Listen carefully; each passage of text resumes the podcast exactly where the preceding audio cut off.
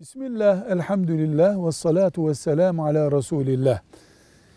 Müminler olarak aramızda iman kardeşliğini daha pekiştirmek, güçlendirmek için neler yapmalıyız diye soracak olursak bir, Allah için birbirimizi sevmeye devam edeceğiz. İki, mümin kardeşim de olsun, zararı yok, bende eksik olsun diyecek bir tercih. Kardeşimizi kendimize tercih yapacağız. Üç, affetmeyi bileceğiz. Dört, sabır ve sabrın gereğine katlanma olacak. Alay etme, yüze vurma gibi insanı rencide eden şeylerden uzak durulacak. Beş, selam aramızda şifreye dönüşecek. Birbirimizi gördüğümüzde parola gibi birbirimize selam vereceğiz.